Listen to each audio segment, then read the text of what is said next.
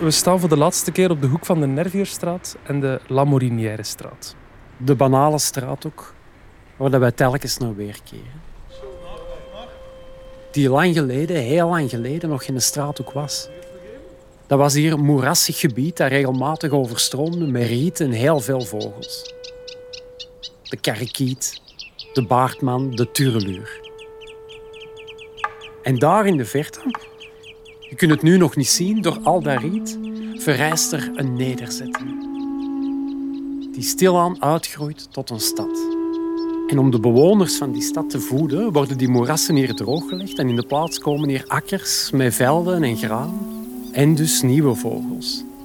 De grasmus, de houtduif. En dan op een dag wordt er daar een nieuwe spoorweg gelegd. En rond die spoorlijn ontstaat een nieuwe wijk. En dus zijn er nieuwe vogels. De stadsmus, de merel, de duif. En dan op een dag breekt er een oorlog uit. En die oorlog zorgt ervoor dat de mensen honger hebben en elke vogel die ze kunnen pakken, opeten.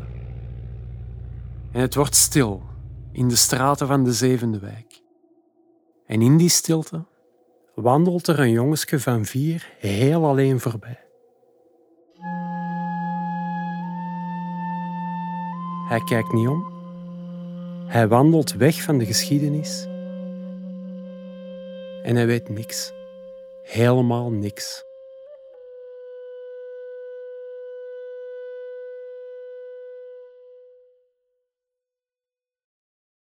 Mijn naam is Bart van Uffelen. En dit is De Kunst van het Verdwijnen. Een podcast van Marta Tentatief en Lucas de Rijke in co-productie met VRT Max. De muziek is van Tom Pintes. Aflevering 8. Tegen het vergeten. Alles verandert. Alles is verbonden. Alles is voor altijd.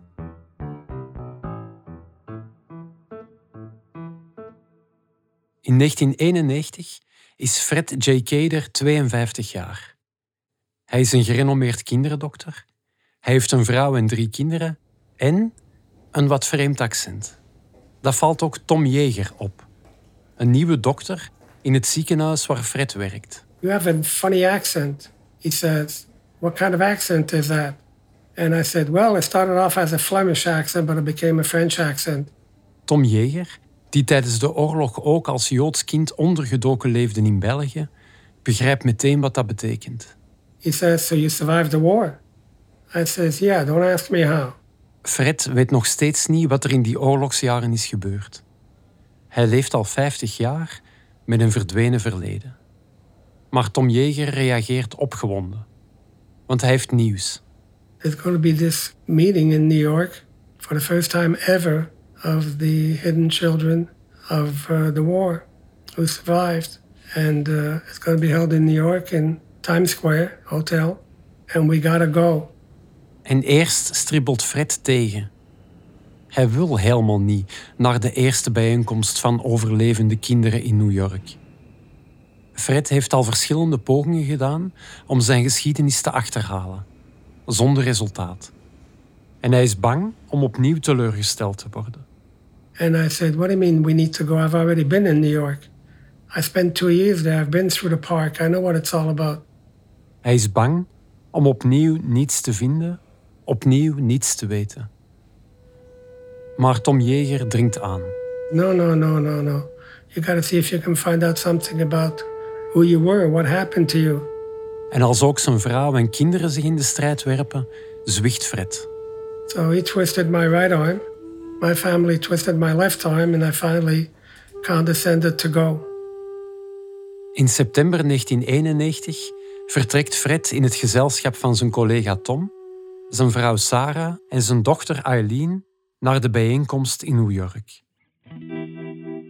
De oorlog is al 45 jaar gedaan. En nu komen de kinderen die in de oorlog ondergedoken leefden voor het eerst samen.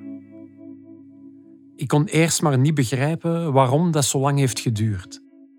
Maar archivaris Doreen Stijven van de kazerne Dossin legt het me uit. Eerst die traumatische scheiding van hun ouders. En dan het feit dat tegen hen gezegd wordt van ja, wat heb je nu meegemaakt? Je hebt ondergedoken gezeten. Wij hebben in de kampen gezeten. Dat, die gradaties van, van lijden, ja. dan zie je daar ook heel erg in terug. Dat schuldgevoel van het wel overleefd hebben en uw broers en uw zussen niet. En dat, is, dat is een opeenstapeling van oorzaken waarom dat zo lang geduurd heeft voordat ze echt zijn beginnen spreken. En nu nog zijn er veel die niet durven of kunnen spreken. Het zorgt ervoor dat het leed van alle ondergedoken kinderen lang onzichtbaar is gebleven. Ja, want die eerste samenkomst is meer dan 40 jaar na de oorlog. En het is pas daar eigenlijk dat ze elkaar zien en spreken, dat ze beseffen van oké, we hebben gelijkaardige ervaringen en wat wij hebben meegemaakt is ook een verhaal dat verteld moet worden, is ook een aspect van de oorlog. September 1991. New York, Times Square Hotel. In de lobby hebben de organisatoren een groot bord opgehangen waarop de aanwezigen hun naam moeten schrijven. Om in contact te komen met anderen. Om te leren en te weten. I took the chalk and I write down Dr. Fred J. Cater. I'm at this and this apartment. If you know anything about orphanages for Jewish children during the war, please let me know. And I look at it and I read it and I said, You dodo. You were four years old and how could you be a doctor? And you didn't even have the name Fred. And you certainly didn't have the name Cater. I had to erase everything, and I wrote down Frans Jaruzelski. Fred wacht twee lange dagen. En hij wordt steeds stiller. Want er komt niemand. En op de laatste avond van de conferentie zegt zijn dochter: Dad, you never wait for people to come to you. You go find them. You've always been like that. Fred knikt en staat op. Hij zoekt de organisatoren van de gathering en vraagt of er iemand aanwezig is die meer weet over weeshuizen in België. And the majority said no. And then all of a sudden a voice piped up in the background. Yes, there is a gentleman here. And this gentleman name is Sylvain Brachveld.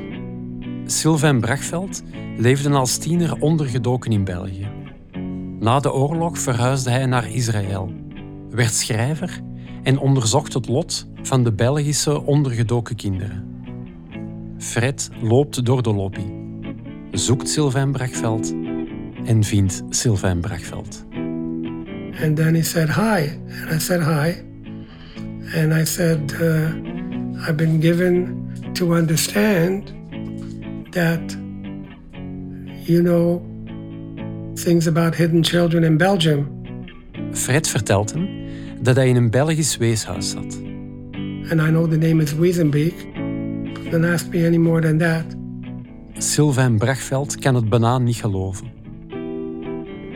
Zou het? Is deze man de vermiste Frans Jeruzalski? And by this time, he's no longer standing still. He's like gyrating and it's beginning to turn red in the face. And he said, What's your name? And I said, Dr. Fred J. Cater. I said, Sorry, I wasn't that. I was Frans Jaruzelski then. Sylvain Brachveld begint te beven. He was so excited and he points his finger at me and he says, I know who you are. I know how you survived missing the train to Auschwitz. Sylvain kent Fred, schreef over Fred, zocht Fred en vindt Fred. And he opens the book up and he goes directly to the page and he says, Here you are. That's you, Frans Jaruzelski. In het boek dat Sylvain schreef, staat een foto van een klein blond jongetje met dromerige ogen. En Fred ziet zichzelf, voor het eerst in 50 jaar. En op een verbijsterende paar minuten leert Fred hoe dat jongetje voor een tweede keer de trein naar Auschwitz miste. Nadat hij op 11 september 1942 aan het centraal station van zijn mama wegstapte, wordt Fred in de zevende wijk opgemerkt door een non. Zij brengt hem naar Goed Engels, een weeshuis enkele straten verder. Maar dat blijkt al snel geen veilige plaats.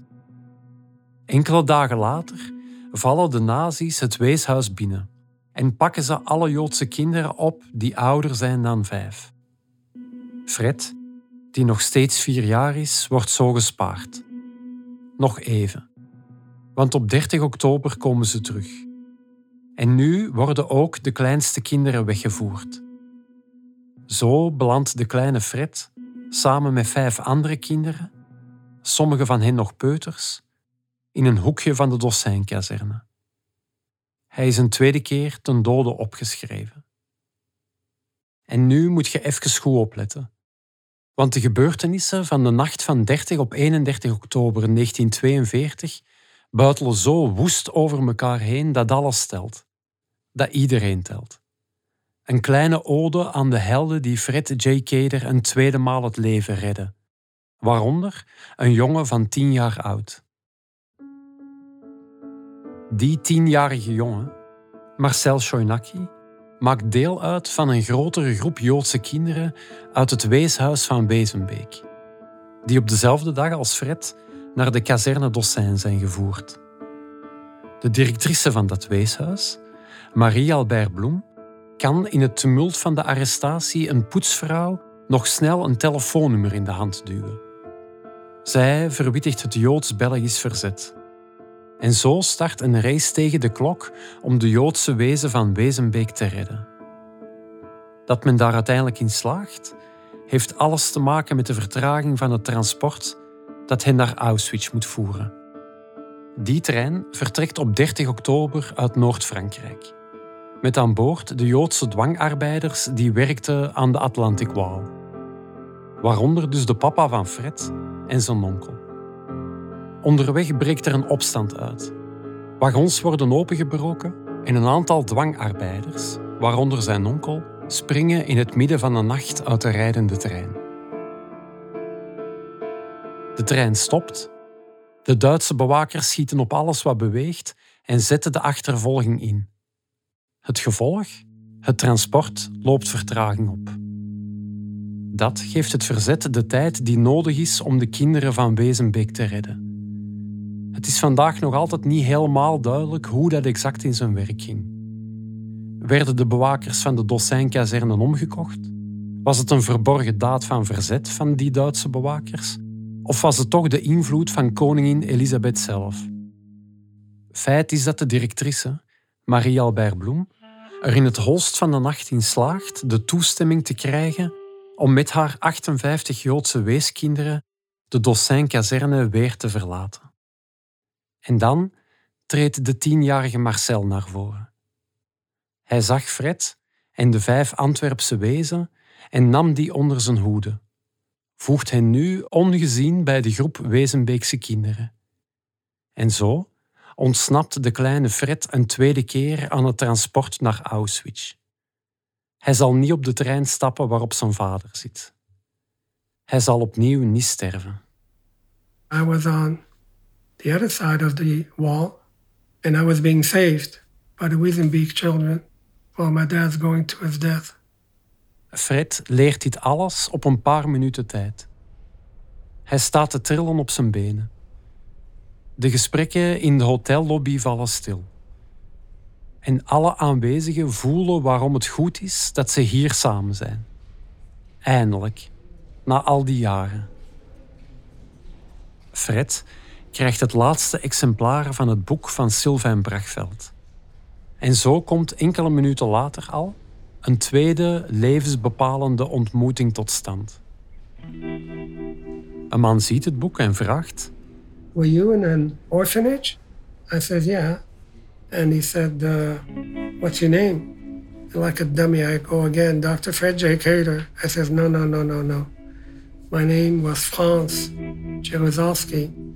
En de man wordt lijkbleek. And I thought he was going to pass out. And he said, I know who you are. I picked you up in one of the rooms at the train station when we were allowed to go back to the orphanage. En nu is het de beurt aan Fred om wit weg te trekken. Die man, dat is Marcel. De jongen die hem redde. De kluis waarin zijn herinneringen opgesloten zaten, zwaait nu open. En de flarde herinnering worden een verhaal. It just came back to me like out of the blue. De nachtelijke rit met de vrachtwagen. And we were in a truck that was open in the back, Het verschrikkelijke onweer. Pouring and thundering. Het huilen op de schoot van Marcel terwijl ze naar het weeshuis in Wezenbeek rijden. Marcel Janaki says, You were crying so darn loud, we couldn't even hear the thunder that night while we were driving back to Wiesenbeek. De rest van de avond blijven Fred en Marcel praten. En daaruit groeit een diepe vriendschap die de rest van hun leven zal duren. It was an exciting evening to find out that I had a reason for being alive. It just didn't happen by accident. It was kind of meant to be. Fred gelooft nu dat het geen toeval was dat hij de oorlog overleefde. Dat het een reden had. En hij weet nu wat te doen. Hij gaat op zoek naar de geschiedenis. Zijn geschiedenis. En wat daarmee te doen. Alles verandert. Na de oorlog komt Fred in Canada terecht. En de Joodse buurt waar hij in Antwerpen woonde, verandert totaal. Van de bijna 14.000 Antwerpse Joden die zijn weggevoerd naar Auschwitz, keren er na de oorlog 1422 terug. In de wijk komen zich nieuwe mensen vestigen. Vooral orthodoxe vrome Joden uit Polen. En waarom komen die? Opnieuw opgejaagd door antisemitisme. Want het is onwaarschijnlijk. In Polen zal in 1946 opnieuw een echte pogrom op Joden zijn, waarbij Joden in een dorp massaal worden samengedreven in een gebouw dat in brand wordt gestoken en waarbij er honderden Joden opkomen. Dus het antisemitisme blijft in, in Polen. En dus je krijgt dus uitwijking en dan komen die onder meer naar Antwerpen. En eigenlijk krijg je een breuk voor een heel deel tussen de Joodse gemeenschappen voor de oorlog en na de oorlog. Ik had het me nooit gerealiseerd. Maar de schijnbaar eeuwenoude, ultra-orthodoxe gemeenschap, die ik op mijn zoektocht leerde kennen, is in Antwerpen een recent gegeven. Die nieuwe Joodse gemeenschap zal al snel opnieuw een belangrijke rol spelen in de diamant. Ook omdat natuurlijk de Belgische overheid het heropnemen van de diamantnijverheid een grote prioriteit gaat maken voor de economische heropleving. In de jaren 60 en 70 herstelt het land wonderbaarlijk van de oorlog. Begin jaren 80 treft een granaat een groep kinderen. De eerste terroristische aanval noem het bijna in heel West-Europa. En daarop komen er betonblokken, schmira en de eerste camera's. In de jaren 90 komen in de zevende wijk opnieuw nieuwe mensen aan. Polen, Bulgaren, Georgiërs. Als er in Georgië op burgeroorlog bestond, zijn heel veel mensen gevlucht uit Georgië en zijn massaal ja, naar Europa afgereisd. Ondertussen boomt de diamanthandel als nooit tevoren. Dat ging hier naar omhoog, groeien, groeien, groeien. Maar die groei blijft niet duren. Die wisseling is dat beginnen zakken eigenlijk. Het is veranderd. De industrie is totaal veranderd. Hè? En er komen steeds nieuwe mensen. Van overal in de wereld. Pakistanen, Afghanen, Tibetanen. In een Joodse wijk die door ontelbaar veel camera's wordt bewaakt. Het is geëvolueerd dat ongelooflijk is. Hè? En zo belanden we stilletjes aan in het nu. In een stad vol couriers. En die hebben een computersysteem dat uitrekent welk de optimale route is. In een wereld gedreven door optimalisatie. Winstgedreven en winstgedomineerd. Ja, en ten koste van wie en wat gaat dat allemaal? Dat is alle dagen draaien en draaien en draaien en draaien en draaien. En twee leveranciers van wasmachines draaien niet meer mee. Die dromen van een ander leven en worden tunnelrovers. De avond valt over de Kalmthoutse hei. Ik wil met Michael Sleeks nog één ding bespreken. Hoe verklaart jij de plotse transformatie van Gio en Koba van wasmachineleveranciers naar tunnelrovers? Dat is geen transformatie, legt Michael mij uit.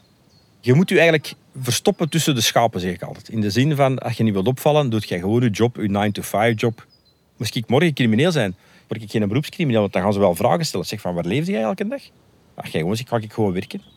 En als je achteraf wordt opgepakt, maar als ik aan het werken, hè, of ik, ik heb ik een job en ben ik een correcte mens en ben ik een eerlijke mens.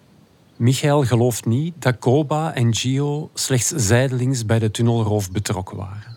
Maar het is toch opvallend dat zij gepakt zijn en de rest van de bende is verdwenen. Kunt je die op een manier als slachtoffer zien, zo Koba en Gio, dat die daar... Nee. Of is dat te empathisch? Nee, dat is, dat is, dat is te empathisch. Die zijn zeker geen slachtoffer. Dat is, dat is empathie een, een- een brug te ver, denk ik eigenlijk. Of een paar bruggen te ver. Eh, natuurlijk, ik ben wel overtuigd. Dat is iets anders. Eens dat je engageert voor het plan, ja, is, gaat je niet meer moeten terug uittrekken. Dat niet. Dan gaan ze niet zeggen, oh ja, ik, eh, als je halverwege gewetensbezwaar krijgt, dat, gaat, dat pakt niet. Michael heeft doorheen zijn jaren als speurder geleerd om niet te snel te oordelen.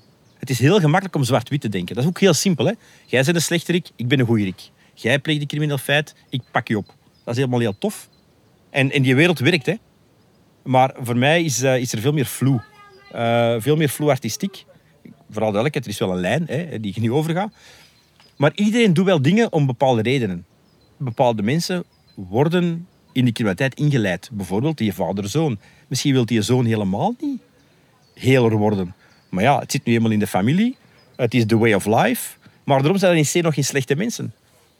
Allee, die, die hebben ook een gezin, die hebben ook kinderen die ze graag zien. Ehm, die plegen gewoon feiten dat het hun way of life is. Allee. Wat ik niet goedkeur voor alle duidelijkheid. Hè. Maar het zijn ook maar mensen. Het zijn ook maar mensen. Gelijk ik en iedereen. Die stomme dingen doen en ook goede dingen waarschijnlijk. Koba en Gio pleegden mee een tunnelroof. Omdat het kon, omdat het op hun pad kwam, omdat ze genoeg hadden van hun leven als koerier. En nadien zijn ze gepakt en gestraft en nu proberen ze een nieuw leven op te bouwen. Ik heb hun medewerking gevraagd aan dit verhaal, maar ze wilden liever niet meedoen. En dat snap ik helemaal. Ze hadden er wellicht weinig bij te winnen. Maar als er ooit een film komt, zei een van hen, mag ik hem bellen als adviseur voor het scenario. Want film is helemaal zijn ding. En als dit een film zou zijn, dan zitten we nu in de finale. Want net als we denken alles te weten van de tunnelroof, komt Michael Sleeks geheel onverwacht met een laatste twist. Zoals de wetten van het scenario dat voorschrijven. Steekt het eigenlijk dat je de echte daders niet hebt kunnen pakken? Ja, zelf zou ik nog wel, denk ik, als politieman nog wel verder hebben willen graven. Excusez-moi le mot. Willen doorgraven. Eh, maar eh, ik denk dat er op het einde van het verhaal op een gegeven moment ook beslist is geweest door, door het gerecht. Ja, we gaan het dossier afsluiten. Ja, oké, dan, dan moet je als politieman zeggen, oké, we leggen de strijdbijl neer. Maar volgens mij had er nog wel, dat persoonlijk, hè, eh, nog veel meer ingezeten. Maar toen zet je ja, capaciteit aan het insteken in iets, misschien chasing a ghost. Ja, hè. Eh, maar ik ben overtuigd dat we nog meer hadden kunnen vinden. Ja. En in welke richting denkt u dan? Wat zou jij nog verder onderzoeken? En dan brengt Michael plots nog een nieuwe speler aan, die tot nu onzichtbaar is gebleven. Iemand die ik soms voelde in mijn schema op de muur, maar nooit echt vast kreeg. Iemand die alle losse lijntjes verbindt. Ik ben sowieso overtuigd dat de aansturing of het idee is hier ontstaan, in Antwerpen. Er moet iemand zijn geweest die wel toegang had tot de kluizenzaal, die bijvoorbeeld zelf een kluisje had, hè, voorafgaand eh, de feiten. Want je moet iemand hebben die toch komt meten, zitten we op de goede diepte, zitten we op de... Klopt alles? Eh, hoe ziet dat er van binnenuit? Je moet dat gezien hebben, hè? Iemand die kennis had van de riolering, Hoe hebben ze geweten dat je perfect via de relering eraan kunt? van de vastgoedmarkt, waarom hebben ze nu juist die studio gepakt? iemand van hier. Het moet iemand zijn die dat hier kent, die weet welke bank dat, dat is. Want je pakt niet zomaar een bank, je pakt specifiek de bank waar dat 80% van de Joodse gemeenschap zit, om het zo te zeggen. Hè? En de Diamantwijk en dergelijke meer. De vraag die we ons eigenlijk al heel lang stellen, is er een voor in Antwerpen? Een VOR is een lokale leider van de VOR Zakone, de Russisch-Georgische maffia die achter de tunnelroof zit. Is er echt een voor in Antwerpen? Heel lang geleden was er een, dat weten we. Hè? Maar die is opgepakt ooit geweest en is verdwenen. Ik heb een vermoed dat hij effectief van een voor zit. De, waarom? Antwerpen is een te belangrijke hub. Antwerpen is te belangrijk voor de heling, maar ook voor de drugs. Dus het kan bijna niet anders dat er iemand zit die beslissingsbevoegdheid heeft. En dat gaat dan minstens nog voor zijn. Maar wie dat, dat is, ja, dat is misschien dan de slimme, stille vrachtwagenchauffeur. En ineens begrijp ik wat dat betekent. Zo'n slimme, stille vrachtwagenchauffeur, die moet helemaal niet gaan lopen. Die blijft waar hij is. Het brein achter de tunnelroof is gewoon nog altijd hier, in Antwerpen. Ik ben hem op een van mijn vele dwaaltochten in de zevende wijk waarschijnlijk gepasseerd. Het zou kunnen dat je hem inderdaad bij spreken hier op de hoek vindt van het Stadspark ergens in een van de mooie appartementsgebouwen. Die stapte gewoon voorbij. En die knikte. En ik knikte terug. En dat maakt de cirkel rond. Want dat weet ik ondertussen wel zeker. Niets is wat het lijkt hier in de zevende wijk. Meer dan twee jaar volgde ik het spoor van de gangster met de rolkoffer. Kriskras door de wijk, kriskras door de tijd. En elke keer opnieuw kwam ik daar terecht waar ik het niet verwachtte. Die tocht heeft veel van me gevraagd. Misschien zelfs te veel. Onderweg ben ik verdwaald en wankel geworden. Maar dat is gelukkig voorbij. Want onderweg heb ik ook ongelooflijk veel gekregen. Ik ben zoveel mensen tegengekomen die zomaar hun leven voor me openplooiden, hun kennis deelden, hun hart blootlegden. En onderweg ben ik dus zonder het te weten ook het brein van de tunnelroof tegengekomen. Want geen enkel verhaal is definitief verteld. En daarom doe ik vandaag nog een laatste wandeling door de wijk. Ik doe de weg van Fred. Ik sta voor de laatste keer aan het Centraal Station. Mensen komen aan en vertrekken. Reizigers zijn onderweg. Net als Fred. Na de gathering in New York heeft Fred een spoor. En hij begint aan de zoektocht naar zijn verleden. Hij komt verre familie op het spoor. Hij komt naar Europa. Hij ontmoet de directrice van het weeshuis van Wezenbeek. It was very emotional. Here she was. En net voor hij terug naar Omaha vertrekt, wordt hij bij de tante van zijn mama gebracht. Hij wist niet dat ze nog leefde. Ook zij was opgepakt bij de razzia. Ook zij was bij de groep mensen aan het station. She said, I was with you and your mother at the train station when the Nazis picked us up. Zij overleefde de kampen en vertelt Fred wat er toen gebeurde. As we were going into the train station, all of a sudden, your mother stopped and she starts talking in Jewish so nobody would understand. Ze vertelt Fred hoe zijn mama rustig tegen hem praatte, in het Jiddisch, zodat de Duitsers het niet zouden verstaan.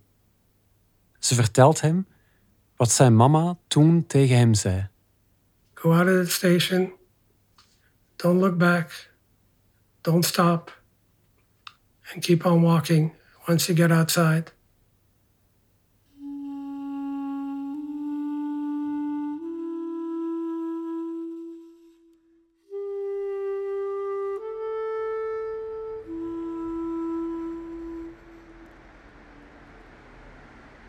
Ik volg de weg van Fred. Ik wandel van het station weg en loop langs de centers. Verdwaalde kinderen lopen altijd met de wind mee, of ze volgen de sporen. De zon schijnt. Het is een prachtige dag. Ik stap door de straten van de zevende wijk en kijk niet om. Ik sla de Nervuurstraat in en passeer het huis waar de tunnelroof werd gepleegd en de hoek waar de aanslag plaatsvond. Fred heeft nog een lange weg te gaan. Er is nog zoveel dat hij niet weet, niet snapt. But life went on, and I still didn't have all the answers until one day I got a phone call from Renier. Reinier Heinsman was een jonge auteur die zich vastbeet in de archieven van de gedeporteerden. En hij helpt Fred de laatste puzzelstukken te leggen. Whatever happened to my two brothers, whatever happened to my sister. Fred zijn zus vluchtte nog voor de oorlog naar familie in Polen. Die verborg haar voor de nazi's, op drie verschillende plaatsen. But eventually the Nazis got her and found her and they sent her to Auschwitz. Ik wandel de Lamorinière-straat in. En hier ergens moet Fred een engel zijn tegengekomen. Een engel die hem zag en die hem meenam. We naderen onze bestemming.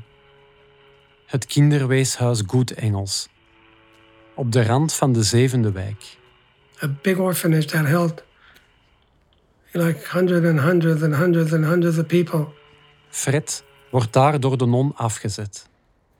Maar, zo leert hij van Reinier, niet alleen hij werd daar die dag afgezet, maar ook zijn iets oudere broers in Jas en Pool.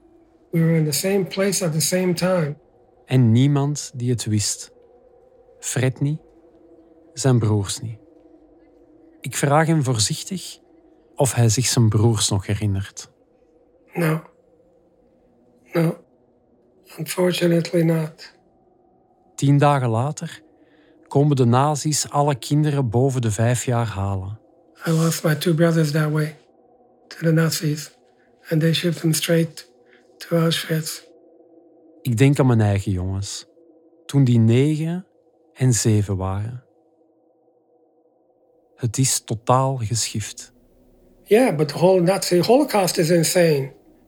I mean, there's no other words for it. It's totally insane. Alles is verbonden. Ik blijf nog wat rondhangen aan het vroegere weeshuis Goed Engels. Vandaag is het verbouwd tot een zieloos appartementencomplex. Verschillende dure loften staan te koop. En in de vroegere binnentuin is een lelijke woonblok neergezet. En waar ik ook kijk, nergens is hier een bordje. Geen teken van herinnering. Maar door het verhaal van Fred krijgt deze plaats ineens een heel bijzondere betekenis. De zevende wijk wordt voor de zoveelste keer vloeibaar. Ik zie Fred die in een camion wordt geduwd. Ik zie Jackie Groenveld schrikken van de knallen. Ik zie Koba in de kelder. Ik zie een trein die traag over de centers dendert. Ik zie een orthodoxe jood met een rolkoffer knikken en instappen. Ik zie even alles. En ik begrijp steeds beter dat de lagen van de geschiedenis elkaar niet opvolgen, maar permanent overlappen. Hoe gebeurtenissen van heel lang geleden vandaag nog altijd doorwerken. Of hoe dingen die vandaag gebeuren ons herinneren aan wat er eerder gebeurde. Alles is voor altijd. Het is al laat. De stem van Fred, ginder aan de overkant van de oceaan, wordt steeds eiler. En ik voel me intens dankbaar en klein tegenover zijn leven. Dat veel meer is dan een survival verhaal. Hij vertelt een uur over hoe hij zijn vrouw Sarah ontmoette en met haar het geluk vond. Sarah is er het hele gesprek bij, de volle drie uur en een half. Ze luistert en is stil. Ik vraag Fred of hij nog een laatste boodschap heeft voor ons. Hier, in de stad in het land waar hij is geboren. In de stad en het land ook waar zijn jeugd werd verscheurd en zijn geliefden werden weggevoerd. You need to learn about history. Those who don't learn from history are going to relive it, right?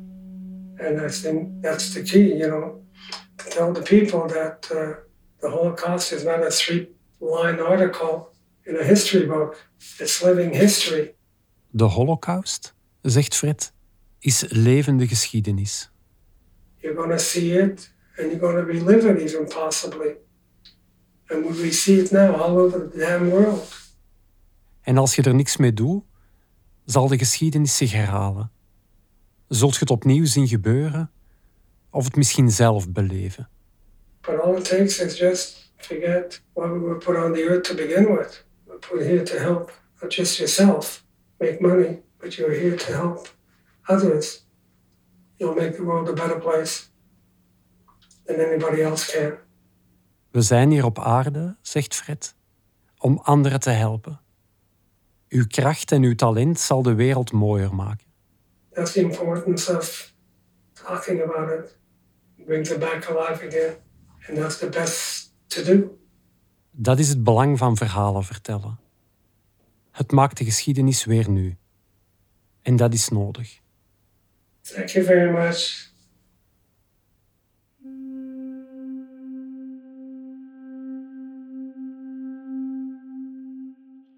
Dit was de laatste aflevering van De Kunst van het Verdwijnen. Alle credits en meer achtergrondinfo op dekunstvanhetverdwijnen.be.